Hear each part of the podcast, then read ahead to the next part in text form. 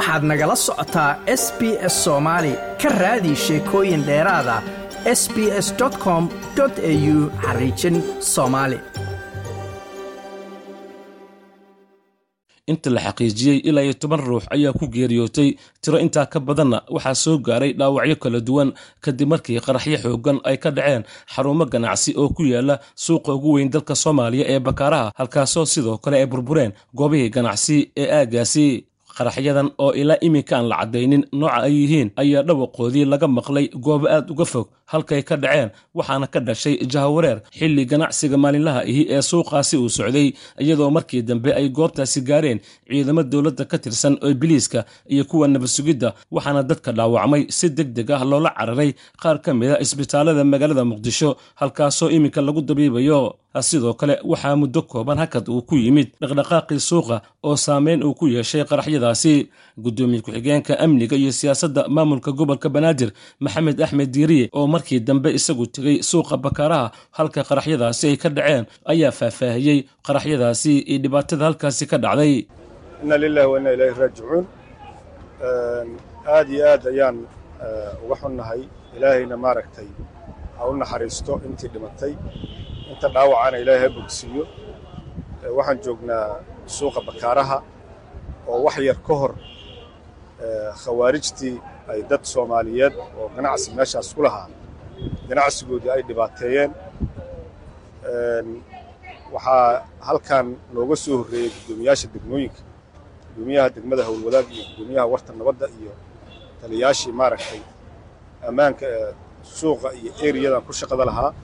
Waxay gurmad u fidiyeen dadkii maaragtay waxyeeluhu ay ku gaareen halkan oo shacabka ahaa oo dukaamadooda ka dukaamaysanayay waxaa socda gurmadkiiyaa weli socda iyo baaritaanadii waxaan meeshaan ka dhacay waxa ay yihiin iyo nuuca ay yihiin. Waxba kama jiraan hoobiyaal wax la yidhahdo laguma garaaco suuqan qaraxyo oo maaragtay caadi loo waday waaye ayadana maaragtay waxyaalaha aynin leenaha waa la xaqiijin karaa laakiin waxaan idin xaqiijayna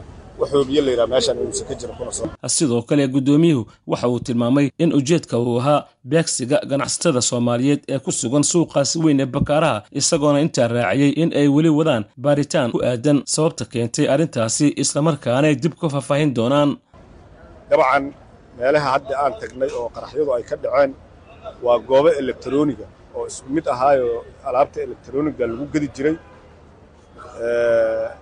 shan ilaa lix goobood ah goobahaas dabcan waxay u muuqataa amase aan ognahay khawaarijtu dadka ay handadaydo oo ay rabaan inay baadda ka qaataan oo maalmihii ugu dambeeyday maasiijyada ay u soo diraayeen ayay ahaayeen dadkaanu iskana diida maaragta khawaarijta iyo warkooda. Marka baaritaankiyaa socda weli oo hay'adaha ammaanka iyo ay ku mashquulsan yihiin hadduu ilaahay yidhaahdo gadaal ayaan maaragtay faahfaahin rasmiya laga bixi doonaa oo hay'adaha ammaanku ay ka bixi doonaan. Laakiin dabcan waxaan ognahay waxa meeshaan ka dhacay inay ahaayeen beegsi la beegsanayey ganacsatada soomaaliyeed gaar ahaan ganacsatadii halkan maanta dhibka ku gaaray. Marka waxaan leenahay ganacsigiina dhibkii gaarana beddel khayr qaba ilaahay ha idin siiyo dowladda soomaaliyeedna waa idin garab taagan tahay. Dabcan khawaarijta inaysan qofnana u naxariisayn ayay halkaas muujinaydaa horena loo ogaa marka aad iyo aad aad u mahadsan tihiin hawshii waa socotaa weli ma dhammaan. Weli gurmadkiiyaan ku jirnaa bakaaraan joognaa. Hay'adiha ammaanka iyo kulli degmooyinkii iyo maamulkii gobolka banaadir oo dhan waa joogaan. Marka waxay faahfaahin intaas ka badanna hadduu ilaah yidhaahdo waa waa waa bixi doonnaa hadduu ilaah yidhaahdo cadowga khawaarijta hal meel ha looga soo jeesto hadduu ilaah yidhahdo walow aan si rasmi ah loo caddaynin in qaraxyadaasi ay ahaayeen kuwo goobta lagu diyaariyey ama hoobiyayaal meel fog laga soo tuuray waxaana weerarkan uu ku soo aadayaa xilli muddooyinkii u dambeeyey. Dowladda soomaaliya ay xaqiijisay amniga suuqaasi weyn ee bakaaraha islamarkaana ay geysay ciidamo dheeraad ah. Sidoo kale waxay arrintani imaanaysaa xilli suuqa weyn ee bakaaraha qaybo ka mid ah labadii maalin ee la soo dhaafay oo u xirnaa muran u dhexeeyey ganacsatada iyo dowladda ka oo ku aadan dhinaca canshuurta oo ay ganacsatadu sheegeen in canshuur hor leh ay dowladdu ku soo rogtay ganacsatada taasoo ay sheegeen inaysan awoodin mana jirto ilaa iminka. Cid si rasmi ah u sheegatay mas'uuliyadda qaraxyadani walow dowladdu ay ku eedaysay xarakada shabaab dhinaca kale siyaasiyiin iyagu sheegay inay yihiin musharaxiin u taagan xilka madaxweynenimo ee dowlad goboleedka jubbaland. Odayaasha dhaqanka haweenka iyo qaybo kale oo ka tirsan bulshada ayaa isugu yimid shirweyne ay sheegeen inay ku codsanayaan in sida ugu dhaqsiyaha badan loo asteeyo doorashada madaxtinimo ee maamulkaasi jubbaland iyagoona eedeyn u soo jeediyey madaxweynaha maamulka jubbaland axmed maxamed islaam musharaxiinta iyo odayaasha dhaqanka ayaa caddeeyey inay iyagu doonayaan oo keliya doorasho loo siman yahay oo wakhtigeedii ku dhacda iyagoona baaq u diray madaxda sare ee dalka. Waa kuwan qaar ka mid ah musharaxiinta siyaasiyiinta iyo odayaasha dhaqanka ee halkaasi ka hadlay. Uma baahnin isbeddel shakhsiyadeed. Uma baahnin isbeddel shakhsiyadeed. Uma baahnin isbeddel beeleed. Waxaan u baahannahay isbeddel siyaasadeed waxaan u baahannahay isbeddel system. Waxaan u baahannahay isbeddel abni. Waxaan u baahannahay isbeddel dhaqandhaqaale. Waxaan leeyahay axmed waa lagu taageeray intii lagu taageeri karo. Waa lagu samray intii lagu samri karo. Waa la tijaabiyey waxqabadkaada. Waa la arkay qorshooyinkaada. Waxaan leenahay waxaa la gaaray wakhtigii aad fursad siin lahayd oo aad dadku intaa kuu dulqaadanayaad adigu dulqaadan lahayd oo aad naftaada ku qancin lahayd in aad mar dambe sii joogi karin.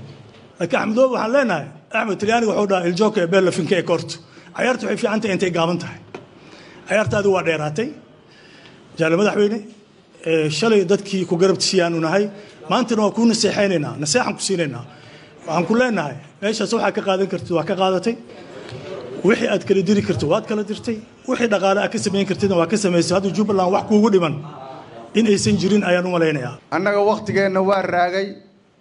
Doorashooyinkoonnii hore qanac laguma ahayn. Doorasho dastuuri ah. Oo muddadaas aan dhaafin. Si taa loo helana waxaan codsanaynaa. Oo dowladda u soo jeedinaynaa. Wakhtigaas la cayimay.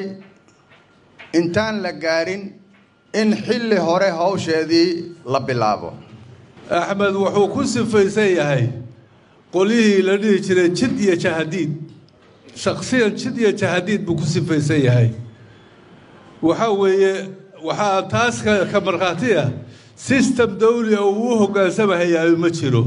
Waxaa u dambeeyey hadda maxaan ku idhahdaa puntland maamulkii isbeddelkii dhacay waxaa jira dhaqan dowladeed baa jira oo dowladdu dadku kala dhaxlo oo qasab ahoo la qaato. Wax kasta haas laysu qabeen laakiin meelahaasoo kale inuu ka maqnaada ma ahayn.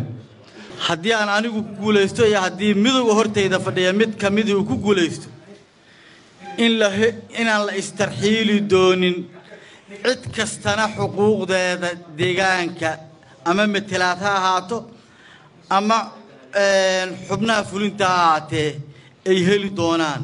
Dhaqankaan la hadlayaa. Nimanka midowga musharaxiinta ah isbeddelka ay noo keenaan hadduuna qanciyo kaasaan siixaynaa sow maaha. Like aas la wadaag wax ka dheh lana soco barta facebooka ee sb s soomaali